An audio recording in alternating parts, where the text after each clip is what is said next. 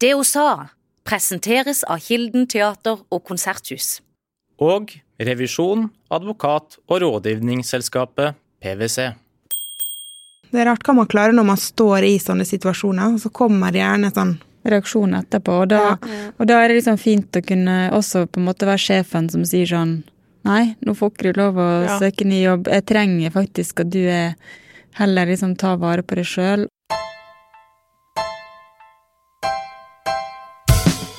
I denne episoden blir du bedre kjent med Tale Maria Krohn Engvik, også kjent som helsesista i sosiale medier. Hun er utdannet helsesykepleier og formidler kunnskap om helse, barn og ungdom gjennom foredrag, podkast, TV-program og to utgitte bøker. I studio er også Tuva Serine Krohn Pedersen, Tales søster og manager. Tuva har bakgrunn og utdanning innenfor kultur og ledelse, og er daglig leder i Helsesista AS. Hei! Mitt navn er Silje Dagsvik, og du hører kanskje at min stemme ikke er Birgitte sin. Jeg har fått lov å være gjesteprogramleder her i dag, sammen med Johanne Austdal. Hallo, hallo. Hei, dette har vi gledet oss til. Ja. Ja. Og det som gjør det ekstra stas, det er at vi, er jo ikke, vi har ikke bare én, men vi har faktisk to kjempeinteressante, kule damer i studio med oss her i dag. Og da har vi Tale Maria Krohn Engvik. Velkommen. Tusen takk. Du er nok eh, for eh, Norges land mest kjent som helsesista. Stemmer ikke det? Det stemmer. Og så har vi med oss din manager og daglig leder, eh, eh, men også ekte sista. Søster. Lillesøster mi. Lillesøsteren eh, Tuva Serine Pedersen, velkommen. Hei! Takk. Vi har gledet oss veldig til å bli litt bedre kjent med dere to. Eh, dere jobber jo da veldig tett sammen eh, med deg eh, som, eh, som eh, manager. Ja. Hvordan er det? Hvordan er det å jobbe med sin søster? Og det er veldig fint, faktisk. Og vi utfyller jo hverandre veldig godt, fordi jeg er god på de tingene tale ikke syns er så kjekt. Ja, og så kjenner vi hverandre så godt. Eh, sånn at det, det gjør jo at det er veldig lett å være ærlig i forhold til eh, hva har jeg kapasitet til akkurat nå. Jeg kan merke på måten at Tuva svarer om, eh, om hun, hvor mye overskudd eller eh, hvor sliten hun er, eksempel. Mm, det er samme som hvis jeg trenger svar på forskjellige ting eh, i henvendelser jeg har fått, så kan jeg også vente noen dager f.eks. med å si eller kan du se på dette her, eh, hvis, jeg vet, eh, hvis jeg merker at hun nå er hun sliten, eller nå må hun kunne ha fokus på det hun skal denne uka, eller? Eh, Og det å kjenne hverandre så godt, og kunne være så at hun Tale har den tryggheten hun har i meg, og vet at jeg alltid vil hennes beste, eh, det er veldig viktig i den jobben. Det er ikke en sånn kynisk manager som skal drive og skvise meg for alt det er verdt, og det, det er veldig trygt, egentlig. Eh, og så altså er det veldig fint også å kunne skape en jobb som også eh, lager en jobb til søstera mi. Eh, at eh, når jeg kunne når jeg kunne se at oi, jeg kan faktisk ansette det på noe som du er, liker å gjøre, til og med. Jeg visste jo at det var noe som hun syntes var gøy, og som hun var god til. Og litt mer sånn organisert og systematisk enn meg. Ja, for jeg lurte du sa det som Tale ikke er så god på. Hva er det for noe? da? Hva er det du, hva er det du utfyller henne med? Nei, eksempel når jeg ble ansatt, så måtte jeg jo begynne å jobbe med et halvt år tilbake i tid. Eh, Det var jo eh, kaos i innboksen. Det var ingen mappe. Eh, Jeg sa, jeg sa vel sånn Hæ, går det an å lage mappe? Kjenner meg igjen. Så jeg måtte begynne en skikkelig stor sorteringsjobb, både på liksom for, uh, booking hun hadde hatt, som hun hadde da styrt meg sjøl, og alle bilager som var bare en haug med kvitteringer. Eh, og liksom sortere dem, hva hørte til hva foredrag og reise, for det skulle jo faktureres. Eh, så det, det var litt av en jobb. Ja, det tok en stund før jeg fikk faktisk betalt for jobber jeg hadde gjort, da. Ja. Og vi måtte liksom Det var jobber jeg hadde gjort eh, liksom høsten året før, som ikke vi fikk fakturert før liksom langt utpå våren. Eh, og det er litt kjedelig for folk som har et Altså, jeg har jo har ikke peiling på at det er et sånn regnskapsår og sånn, har jeg aldri hørt om. Så det var sikkert kjedelig for folk som bare plutselig fikk eh, faktura for ting som skjedde året før og sånn. Men eh, eh, takk og lov, da, så kom hun Tuva inn i, inn i Helsesista AS og, og rydda opp. Hvor lenge siden er det? Det var i 2000 2018, eller Ja, våren. Du hadde vel litt, hadde eh, litt oppsigelsestid Ja. eh, i en jobb du hadde her i Kristiansand. Jeg slutta jo i jobben min som helsesøster sommeren 2017. Eh, et halvt år etter jeg åpna Snap-kontoen. Og da visste jeg jo ikke hvordan jeg skulle få inntekt. Eh, men jeg hadde, jeg hadde nok egenkapital fra, fra jeg liksom skilte meg og vi solgte leiligheter, så jeg hadde 400 000. Så jeg tenkte jeg klarer meg et halvt år uten inntekt. Men så kom det jo for, om foredrag. Eh, og da tenkte jeg sånn hm, ja, ja, kanskje det går an, selv om jeg ikke liker å snakke foran folk. Men det er jo en måte å få, få lønn for. Så da ble jo det etter hvert flere foredrag, og Det ble jo veldig mye i 2018. i 2018 så ble det virkelig mye. Ja. Så da, Det var et jo- skikkelig turbo, turboår. ja, da, da jobba jeg så mye mye. som jeg aldri har gjort, og aldri kommer til å gjøre igjen. For det har jo ballet på seg foredrag, og så har du skrevet to bøker. Mm. det har vært TV-program. Eh, så det begynte jo da, for de som ikke har fått med seg helt eh, oppstarten til Helsesista, var det rundt 2016 at du åpnet denne Det var 1. Snapchat-kontoen. desember eh, 2016 som jeg åpna kontoen. Mm. Mm. Og da tenkte du egentlig at nå skal jeg nå ut til ungdommene på de skolene som du var ansatt som helsesøster i? Ja, det var fire videregående skoler i Oslo som jeg flaksa mellom da i løpet av ei uke. Så det var jo bare for dem, egentlig. Mm. Og så mm. kan jo faktisk Johanne her huske eh, at du fikk et tips, har du fortalt meg. Ja, det er veldig morsomt, for jeg husker jo det veldig godt. Jeg var jo, gikk jo i andre klasse da du begynte.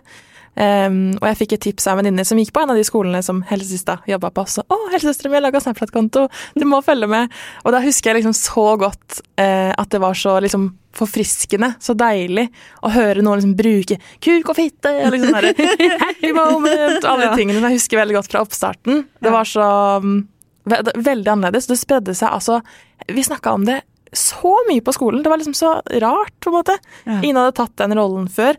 Nå føler jeg liksom at man har, man har Du starta jo en slags sånn hva skal man si, en sånn eh, movement innenfor sånne yrker. Det er jo mange som driver med dette her nå, Ja. men jeg føler virkelig at, ikke at vi hadde noen andre før du Nei, det var ingen andre. Det var, det var jo også sikkert derfor det var sånn rausa inn med sånne priser Mm. første par åra, for det var så annerledes og rart. Og nå er det jo Jeg tenker sånn, ungdommene nå i dag er nok, er nok litt mer sånn her nå, likegyldig eller sånn vant til det. Mm. Men eh, jeg husker at jeg fikk snap fra elever som gikk på andre skoler i Oslo, der det sto sånn 'Helsesista, bytt skole'. Ja, ja, ja! Jeg var sikkert en av de. og, så, og, det, og da ble jeg sånn Å, Ja. så koselig! Nå har det spredd seg til en annen skole. Og så, og så begynte jeg å snakke om eh, ja, forskjellige ting som gjorde at det, det spredde seg til andre plasser i landet. Plutselig fikk jeg snap fra Sørlandet og langt oppe i nord, og bare fra Bodø, og jeg bare wow! så da Det gikk jo ikke så lang tid før det spredde seg skikkelig, og det var vel kanskje særlig etter at det begynte å, at, det begynte, at media begynte å fortelle litt om meg, og Mm. at jeg var på Dagsrevyen i, i februar 2017 og sånn. Da fikk jeg husker det gikk fra 700 følgere til 7000 på sånn noen få Oi. timer. Oi, så gøy. Eh, Så da, og så vokste det liksom sakte, men sikkert. Mm. Ja, har du rukket å gjøre deg noen refleksjoner? Hva tenker du selv er grunnen til at det sa så pang? At eh, folk tipset hverandre 'følg helsesista'? Hva var det du gjorde? Jeg tror nok at det var at jeg snakka ganske ærlig om ting som de egentlig gikk og tenkte på. Eh, og gjorde det på en litt morsom måte. At eh, jeg husker eh, en story som eh, helt i starten som gjorde at eh, mange begynte å følge med, og som jeg vet at da spredde den seg. Det var jeg svarte Det var et spørsmål som kom inn fra en av følgerne som som eh, spurte er det normalt å stå tiss hele tida. og, så, og så svarte jeg ganske sånn både seriøst, men òg litt morsomt på den. Mm. Eh, og gikk til og med og spurte en lærer, og tegna litt. Eh, Så bare sånn Ja, kanskje lurt å vente med å tisse til du Til han ikke står og Ja. Og det er helt vanlig i tenåra at han står i liksom Hytt og gevær. Hytt og da, sånn at det, så, at det var på en måte litt sånn eh, både litt flaut og litt mm. morsomt. Og Det var jo det. Eh, Jeg ja. husker veldig godt sånn Vi lo jo litt, for det var jo på en måte en litt sånn Det var jo litt barnslig, på en måte. Ja. Jeg husker veldig godt det der fitte-tre-greien og sånn. Ja. Vi lo jo av det på en måte på en litt sånn Ikke hånlig måte, men vi skjønte jo at det var på en måte litt barnslig. Men det var så deilig å se! Det var liksom så Jeg kjenner at du må forklare det. Hva, hva var Kan ikke du forklare det selv? Ja, det var, det var 8. mars, så skulle, skulle det være kvinnedagen, sant? Mm. Og da var det en parole i 2017 som heter eh, eh, La fitta flagre fritt. Nei til eh, kosmetisk intimkirurgi. Mm. Og så var det et fokus at det var veldig mange unge jenter som oppsøkte helsestasjon eller lege og var veldig usikker på, på tissen sin. Og det var liksom Er det noe feil? Man har en kjønnsleppe som den, På den ene sida er den litt lengre enn den andre, og eh, helt normalt. Eh, men men fordi at man ser mye porno der kanskje man er operert, eller så gjør det at de eh, blir veldig usikre, da så tenkte jeg at eh, jeg må jo snakke om det her og, og, og fortelle litt om, eh, om liksom selve jentetissen, om kjønnsleppene og klitorisen og hvor, hvor mange hull jentene har. For det er veldig mye som, eh, som de rett og slett ikke visste. Mm. Fordi at seksualitetsundervisninga er for dårlig, for, det er for lite av det. Mm. De har for lite kunnskap. Eh, Og så i stedet for å liksom finne sånne i bøker, som kan være ganske voldsomt for folk å se, så tenkte jeg ja, dette treet utenfor barnehagen til barna mine, det ser jo litt ut som en jentetiss. Det er liksom kjønnsleppe, og det var en kvist som stakk det var sånn, det var sånn kvisthull, sånn, og så var det en liten Det var, det var en grein som var knekt, så det, var liksom, det så ut som litt av klitorisen, og jeg bare Åh! Å, et fittetre eller et dåsetre, og her har vi kjønnsleppene, og den, dere ser på den ene sida, så er den litt større, og, og der borte er et annet tre, og dere, den er helt annerledes, og, og sånn er det med, med, med liksom jentetissen, og, og der borte er et piktre. Ja.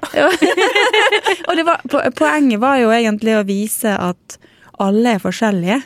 Det var jo det som var eh, poenget. Og så eh, Og at man skulle ja, bare være glad i tissen sin akkurat sånn, og stolt av den akkurat sånn som den var. Så lenge man ikke har på en måte smerte eller plage, så er den sånn som den skal være. Men jeg blir veldig nysgjerrig, for jeg merker når du forteller om dette nå, Ja. eh, så ser du Jeg prøver å sånn granske fjeset ditt, syns du det er litt flaut å snakke om det, men du ser helt, helt upåvirket ut, at det er helt naturlig for deg. Er er dette noe sånne familiegreier? Har dere, har dere alltid vært liksom frittalende i familien deres opp igjennom, eller? Jeg vet ikke helt, det. Kanskje på, på noen måter. Ja. Men, men samtidig så er det veldig mange ting vi ikke har snakka så åpent om. Men sånn uh... Vi snakka ikke om seksuale ting, eller sånn, ja. Nei. Nei. Når vi var barn, men vi har jo vokst opp eh, kanskje litt sånn utafor boksa. Ja. Gikk på Steinerskolen i Ålesund, litt, ja, ikke så stor by. Eh, fikk ikke lov å se på TV når vi var barn. Ja, så vi, var jo, vi har jo kanskje alltid vært litt annerledes. så vi, jeg føler at eh, nå er det en styrke, fordi jeg føler meg ganske sånn fri. Ja, at ikke Jeg har aldri vært sånn at jeg føler jeg må følge strømmen, eller Ja. Jeg har aldri følt liksom Når jeg har snakka Når jeg på en måte har gått inn i helsesisterrolla mi og snakka veldig åpent og, og trygt, sånn som du ser øynene mine, jeg begynner å glitre til og med, for jeg blir så ivrig, så har jeg aldri Jeg har aldri blitt flau eller tenkt sånn å nei, nå blir sikkert mamma og pappa flau, eller syns at det er rart, eller søsknene mine og sånn. Jeg tror heller de tenker sånn å, jeg er glad at jeg ikke står der og Ja. At jeg slipper, liksom. At, jeg, at hun tar den rolla, det er fint. Ja. Men mamma var jo sånn som hadde Hun var jo sånn som fant på litt andre ord. ja. Eh, sånn at jeg, at jeg liksom har funnet på sånn dåsetre og pikktre og fittetre, og liksom og laga på en måte egne ord. Happy moment. Ja. Mm. Det er jo um, ja, for det gjør vi. Ja. Veldig rart. For det var jo sånn som hun Ja. Mamma kalte eksempel hvis man kasta opp, så var det å guple, eller Men mensen, det, det het liksom komponisten. Så, å binde, det var komponisten-bleie. så, sånn, så vi hadde jo mye sånne rare ord i familien. Beholder. Puppebeholder, ja. Det var bh. Bare stor eller liten puppebeholder.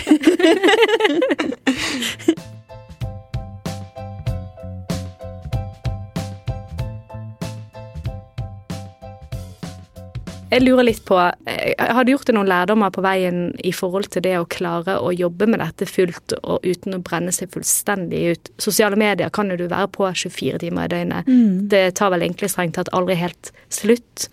Har du gjort deg noen erfaringer eller lærdommer underveis?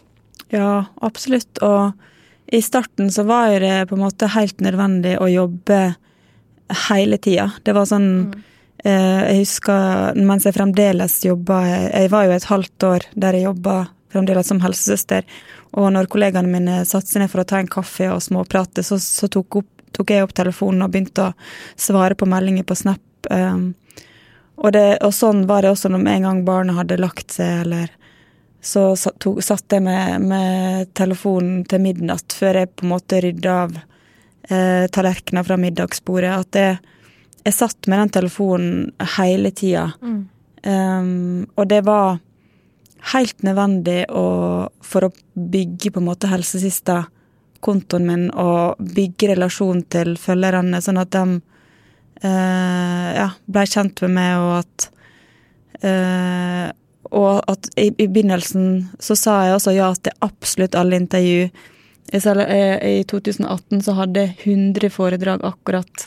Eh, pluss masse panelsamtaler, pluss innspilling av TV-serien i tre måneder. Og bok. Eh, Og skrev bok.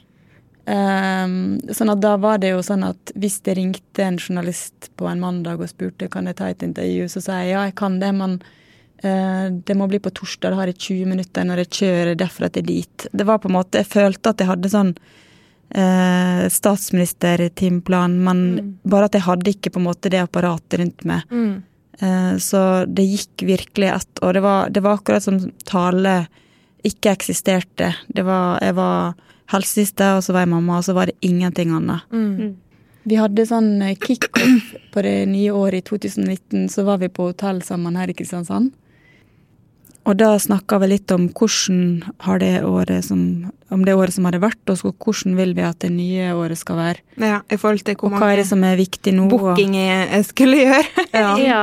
Og, Bare nå har du jo vært litt sliten, og så sa hun sånn Det har jo vært sånn at jeg, jeg følte liksom at til slutt at at jeg ikke fikk kontakt med det. At liksom Når, når jeg snakka til det, så var det akkurat som du ikke hørte hva jeg sa. Jeg bare Du var liksom helt fokus... Jeg var bare Jeg var helt inni den bobla. mm.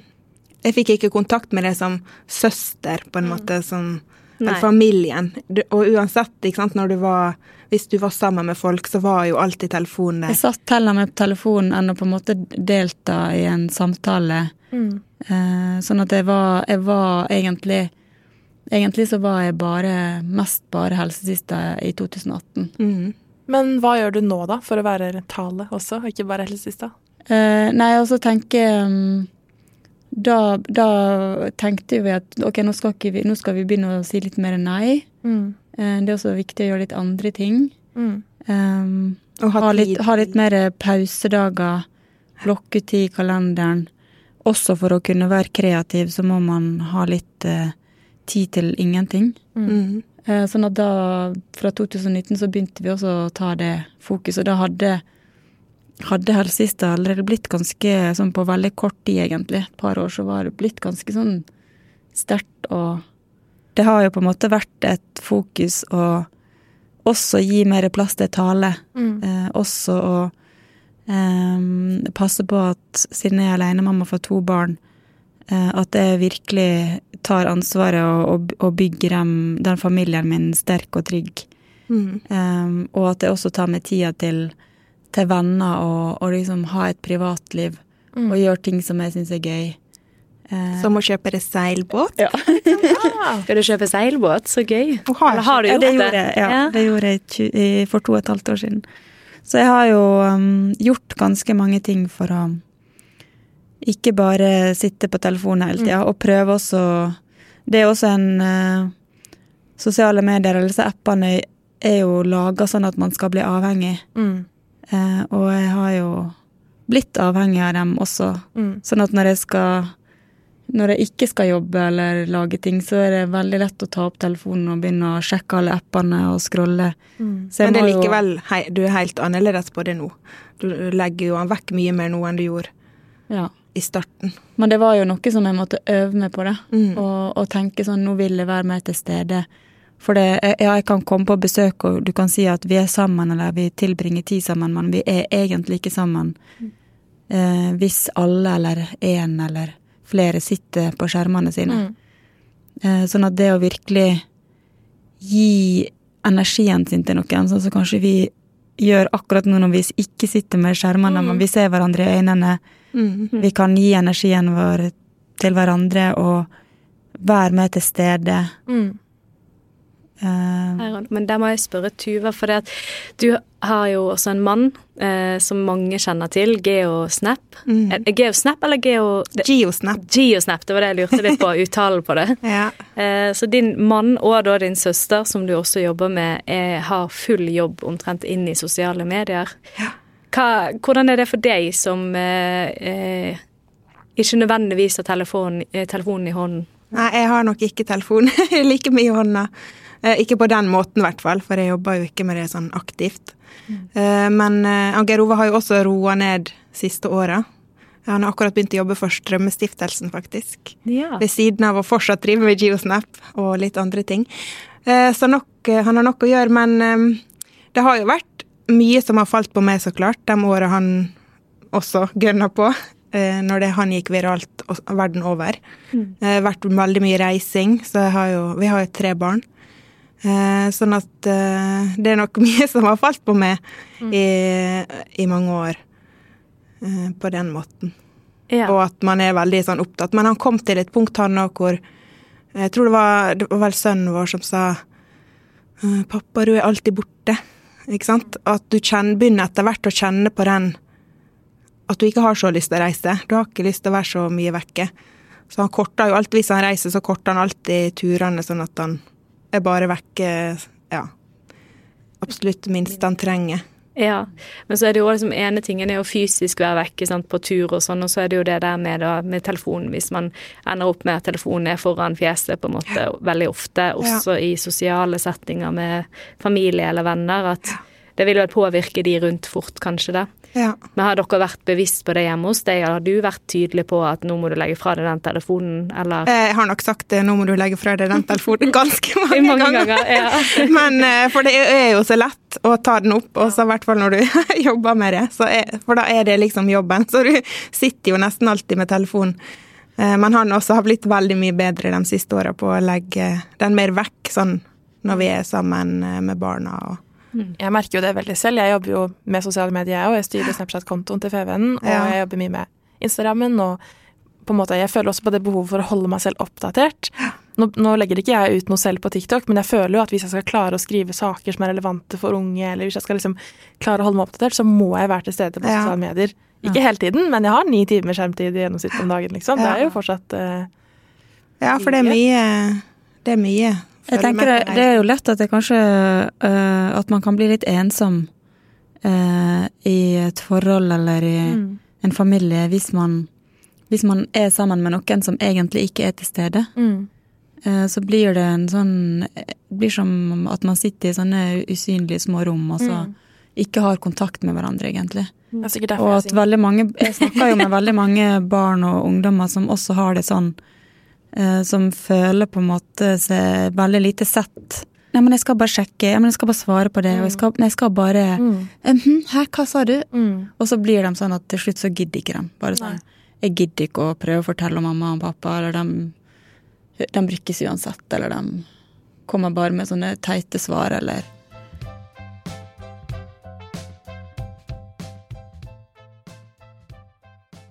Men lurer på eh, hvilke, hvilke ting er det som har gjort inntrykk på deg, altså sånn type tilbakemeldinger fra ungdommene? Er det noen enkelte ting du Altså, det, det vanskeligste for meg er jo når de ikke har noen å snakke med der de er. For det at er bare helsesøster på Snap som ikke kan hjelpe dem direkte, og ikke kan følge opp, og ikke kan svare alle engang. Sånn at for meg er det jo er på en måte bare et supplement til de andre tjenestene eller de andre voksne som virkelig skal være der ute. Og når, de, når jeg får snapper at de ikke har noen å snakke med, at de har ikke på eller helsesykepleier på skolen, kanskje bare én dag i uka, men ikke den dagen de virkelig trengte det, eller, eller læreren har ikke tid, og, og det er kjempelange køer på BUP, og, eh, og at liksom At de ikke har no, gode nok tilbud, eller voksne som er tilgjengelige. Um, og kanskje no, også når de har det så vanskelig at de ikke orker å leve lenger. Mm. Eller står i veldig vanskelige ting. Um, enten om det er i familien, eller om det er i, med venner, eller om det er med bilder som har blitt delt, eller uh, skamfulle ting, ting der de, der de, er skikkelig redde og har det kjipt. Det, det er det, verste, da, uh, syns jeg.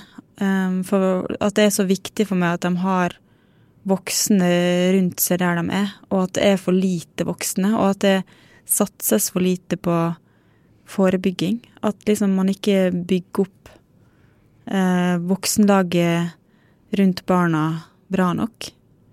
Men du har jo holdt på en god del år, og så i tillegg så har det jo vært koronaperioden. Og vi vet jo at eh, eh, mental helse hos ungdom har blitt dårligere generelt. Har du merket det? Har du merket en endring? Um, ja. Det var Jeg merka litt sånn at de ikke gleder seg like mye, eller Ja, de er litt sånn De er på en måte ikke så De er litt mer sånn her å ta fatt på en måte nå. Det er liksom det, De er ikke så lett å engasjere lenger. Eller eh, under koronaen så var det Det var en storm. Det var det var sånn at jeg, jeg, måtte slutte å spørre hvordan går det, for at jeg fikk som en tsunami av mørke tanker. Og, mm. Men så var det akkurat sånn at de bare falt litt sammen, og liksom, de gidder liksom ikke helt lenger. Og det, og det, er så mye Det er så mye overalt. Det er så mye ting de skal forholde seg til. Folk mm. på sosiale medier. Det er så mange Det er ikke vits å be dem følge, eh, følge ditt og følge datt, for de bare sånn uh, whatever. Det, mm. det, er så mye, da. Mm. Eh, foreldre, er det noe du tenker eh, ungdomsforeldre bør være ekstra eh, Tenke litt ekstra på inn mot ungdommene sine? Kanskje at de, at de var litt uh, var litt mer lagspillere med hverandre. Og det er jo mye som er ukjent også for mange foreldre. Fordi vi vokste jo ikke opp med sosiale medier. Og altså, verden for ungdom og barn i dag er jo veldig mye større enn den var for meg når jeg, jeg var liksom barn og ung. Da var det jo bare dem jeg så rundt meg.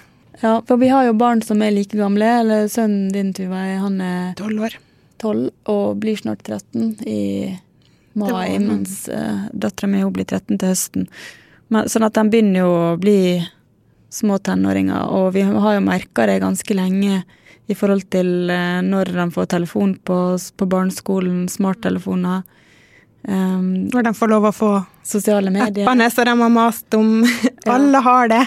Ja, ja. Men jeg har jo vært en Vi er jo sånne strengere, og så kan vi Så der har jo vi Vi kan jo spare oss og så si sånn Og snakke om de forskjellige appene, pluss at vi har ganske bra innblikk siden jeg jobber med det. Og, mm. um, så jeg, jeg, vi er jo litt sånne strenge mødrene, da. Så jeg har jo forklart hvorfor ikke han f.eks. Han fikk ikke Snapchat før nylig. ikke sant? Dattera mi syns det er veldig urettferdig at sønnen din har Han har fått TikTok. Men det, det er takket være Geir Ove. Men det får ikke dattera mi før hun blir 13, liksom. Så sånn det er jo veldig urettferdig at liksom innad, innad i familien så er, liksom, så er jeg strengere enn tante Tuva. Vi stiller mye spørsmål. Hvis, mm. ja, hvis det skjer, da. Det kan jo skje. Og sier hva man er, er redd for, eller hvorfor jeg sier nei, ikke sant. Mm.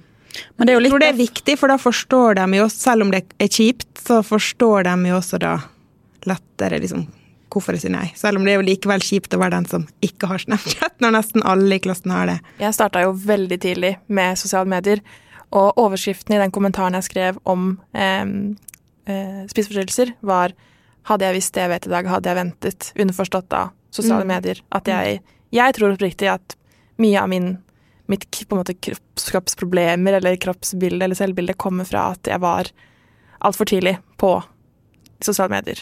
Mm. Det du sier i forhold til eh, selvbildet ditt som blir veldig påvirka av eh, sosiale medier, det er noe som kanskje foreldre ikke tenker nok over. At, mm.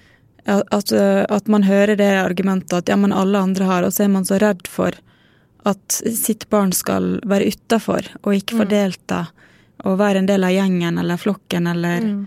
eh, Og så blir det på en måte grunnen til at de får TikTok når de eh, er åtte eller ni eller ti år, eh, og blir sittende og se på videoer som, der de sammenligner seg med andre og Mm. plutselig begynner å lete etter feil ved seg sjøl, eller tenker at jeg må se sånn og sånn ut, jeg må gjøre, være sånn og sånn, og kopiere det og det. Mm. Men nå skal jo begge dere to eh, Dere er jo på vei inn eh, som mødre, da, så er dere på vei inn i ungdomstiden der privat også. ja, det er spennende. Ja. Jeg skulle jo likt å ha dere i sånn typisk foreldregruppe til eh, mine barn. Hvis Ja, det dere... håper jeg folk eh, Bruk. bruker og drar på disse foreldrenettverksmøtene, for det er kjempefint. Mm. Der får man også bruke Facebook-gruppe hvis klassen har det, til å spørre om har alle liksom Snapchat. Stemmer Hører her hjemme at eh, alle har Snapchat, og da kommer det jo fort frem at ikke alle har det. Ja. Eller man kan liksom, sånn at det blir litt like Ja, på foreldremøte, eller liksom engasjere seg i, eh, i, i hvis, hvis barna driver med noe på fritida, mm. og, og være med liksom i Møte opp på fotballcupen. Liksom engasjere seg litt, da. Mm. Eh, være frivillig, eller være med på dugnad og sånn. og Snakke sammen og bruke disse nettverkene. Jeg, jeg tror det er kjempeviktig å ha på en måte lag, gode lagspillere. Eh, sånn at man kan stå sammen eh, i det som kommer Mm. eh, i den ungdomstida. Det er jo veldig mye de blir eksponert for eh, tidligere enn før, kanskje. Eh, og det, det er salg av eh, ulovlige rusmidler som foregår på sosiale medier, og eh, det er mye mer eh, kanskje av det også på fester som de går på tidlig. Sånn at det, det er sånn som eh, dattera mi som går i sjuende klasse, hun har jeg begynt å si, snakke med det om allerede. At neste år begynner du på ungdomsskolen, og, og du kommer til å møte folk som som kanskje velger å drikke seg full eller røyke hasj eller eh, Og det er ikke noe som vi kan på en måte eh, styre valg eh, hva de gjør, eller men, men, men det å snakke om hva er det du hva slags valg er det du vil ta i forhold til det, og hvordan, hvordan skal du klare å stå i de valgene du eventuelt tar. Eh, så det er jo, dette er jo sånne viktige samtaler å ta. Mm. Mm. Og det er jo også Jeg er også veldig opptatt av å eh, lære dem å inkludere folk som velger annerledes. At fordi om noen røyker hasj, så betyr ikke det at du ikke får lov til å være vennen deres. Liksom. For de trenger kanskje virkelig en venn som ikke røyker hasj. Mm. for å ikke på en måte bare ha venner som gjør det, for da blir det veldig lett å havne veldig fort inn i et rusmiljø, rusmiljø, for eksempel. For det, der også syns jeg at vi voksne kan være litt eh, Være med på å skape utenforskap, da. Ved at vi, vi fordømmer andre som tar andre valg. Og kan si at nei, du får ikke lov til å være med den personen fordi at eh, jeg hørte det og det og det. Dette er jo sånne ting som jeg kan snakke om på Snap når jeg mm, ja, får snap av eh, barn som gruer seg til å begynne på ungdomsskolen fordi de har hørt at noen uh, røyka hasj, og venninna mi sa at hvis jeg begynte å henge med, med henne, så ville ikke hun være vennen min lenger. Og, så dette er jo på en måte problemstillinger de står i, og som der man må på en måte man skal, man skal være litt modig, da, tenker jeg, som voksen.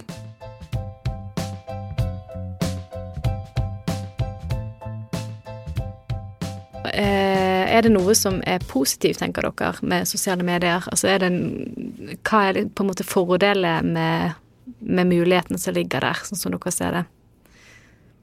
Tale. Ja, det er jo Det er jo eh, Jeg tenker jo helsesista er jo et eksempel på Mm. det å virkelig liksom bruke sosiale medier på en positiv måte. da. Mm. Ved å spre informasjon, kunnskap. Eh, vær, eh, vær liksom Det å være ekte og uperfekt eh, har på en måte alltid vært viktig for meg.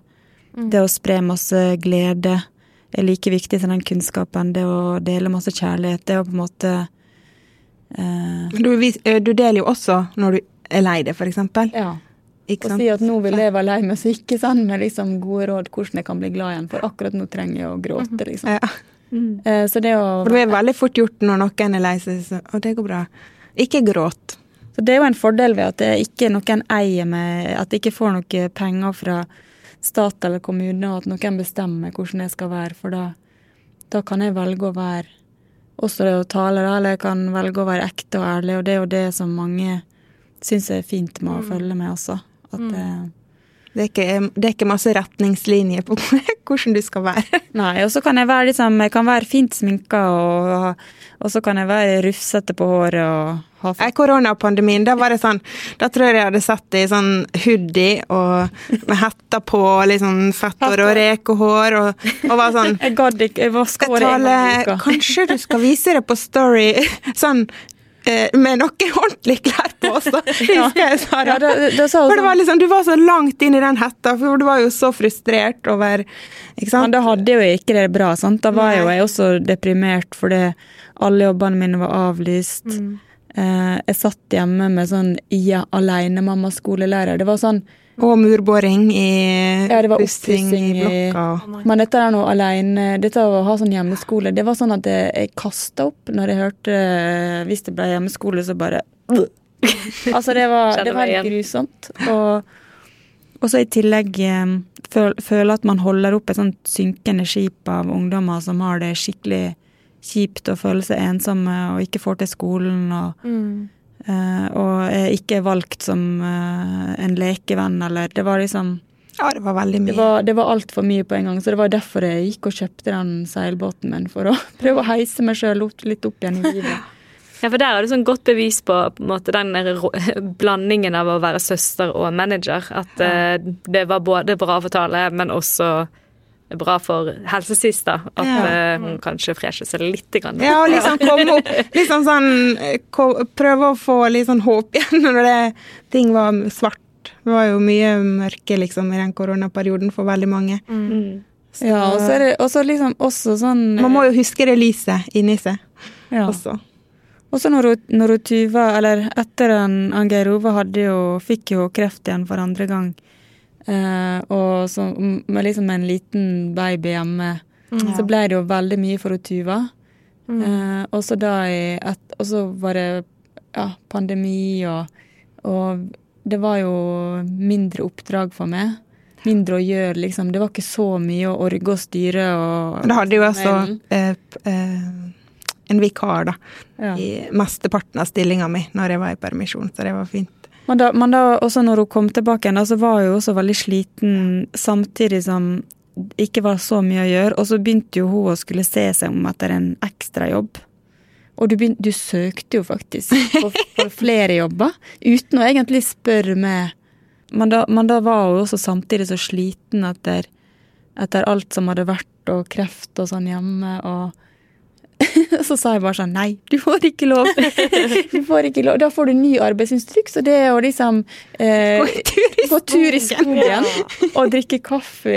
Og så tar vi det litt rolig nå, og så blir det bedre. Så da, så da Ja, for jeg skrudde jo litt av når han eh, ble syk, for det var liksom baby, to barn til, og det var pandemi, og du skal liksom holde folk oppe. Så jeg, jeg har jo liksom fått den knekken, eller litt sånn nå, eh, i ettertid, Mm. Hvor, hvor jeg har kunnet begynt å slappe av igjen. Uh, Og faktisk så- kunne ta inn over deg alt det der. Ja, Mm. og det er nesten sånn rart å ja, tenke på. Det er rart hva man klarer når man står i sånne situasjoner, og så kommer det gjerne sånn reaksjon etterpå. Og da, og da er det liksom fint å kunne også på en måte være sjefen som sier sånn Nei, nå får ikke du lov å Ja. søke ny jobb. Jeg trenger faktisk at du er heller liksom tar vare på deg sjøl og eh, Ja, for det er sånn, du skulle ta også vare på deg sjøl, så vi gjorde bevisst også mindre ja. oppdrag og sa mer Vi nei. sa fordi- mer nei for å, for å liksom bygge oss sjøl litt sånn Nå skal vi ta vare på oss sjøl og Mm. Jeg tror jo vi må begynne å runde av snart. Jeg merker at jeg tror jeg kunne sittet her sånn eh, flere timer til. Det var veldig koselig. Det var veldig koselig. Det var veldig hyggelig. Eh, vi har jo en sånn fast post i det vi sa, eh, som er vi kaller for fremsnakk. Har du lyst til å begynne med en liten fremsnakk? Ja, jeg tenkte jeg ville fremsnakke en venninneskatt jeg har her i Kristiansand. som heter, Hun heter June Helen Bø. Hun var også vikar for meg når jeg var i permisjon. Og det var korona, og Angero hadde kreft. S- Og jeg kunne liksom overlate jobben min, som er så mye, på en måte. Eh, Og det er så viktig at den som skulle være vikar for meg, også var noen hun Tale kunne være seg sjøl med. Og ha, og ha liksom avslappa forhold til. Eh, Men hun er bare helt rå. Ja, Av og til blir vi sånn Hvordan hun June klarer alt dette her? Men det var jo en veldig bra fremsnakka June. Eh, eh, Tale, var du, hadde du samme person, eller hadde du en egen person? Nei, altså jeg er jo veldig jeg har jo, Fremsnakk er jo noe som jeg sier i alle foredragene mine. sånn, Velg å være en person som Mm. fremsnakker istedenfor å baksnakke. Så eh, det er veldig mange man kan fremsnakke. De fleste, egentlig. Men, eh, men jeg bruker jo også å trekke frem eh, mormora vår som, en, eh, som mitt forbilde, da. Som, som ikke lever lenger, men som på en måte er med oss likevel. Gjennom det å være en inspirasjon og et forbilde i hvordan man møter andre. Det å ikke prøve å imponere noen, men bare være seg sjøl, og så etter å ha møtt eh, liksom Etter at folk hadde møtt mormor, så følte de seg liksom bedre. Og det å være raus, for det tenkte jeg på i dag tidlig, at det er så mange måter å være raus på. At du hun mormor hun var kanskje raus med småkaker og alltid kaffe på kanna og lagde god mat og sånn. Og sånn er jo ikke jeg. Jeg har jo, er jo ikke nok jeg er jo ikke en sånn person som Jeg har invitert venninne på middag én gang, og da, da, da bestilte jeg sånn sushi takeaway. um, Det er lov. Sånn at jeg er jo raus på en helt annen måte, um, og at det kanskje henger litt sammen med, med kjærlighetsspråket vårt. At vi har alle sammen et ulikt kjærlighetsspråk. At noen, er, noen gir gave, noen er, har ord, noen har fysisk kontakt. Jeg, kan også, jeg sier også etter foredrag all, jeg, gir verden, jeg veldig gode klemmer, og alle som vil, kan få klem. Så, sånn at jeg kan være Jeg er raus på andre måter enn med å ha åpent hus og småkaketale. småkaketall. ja. Tale, Tuva og Johanne òg, tusen takk for at dere eh, ville komme til det hun sa.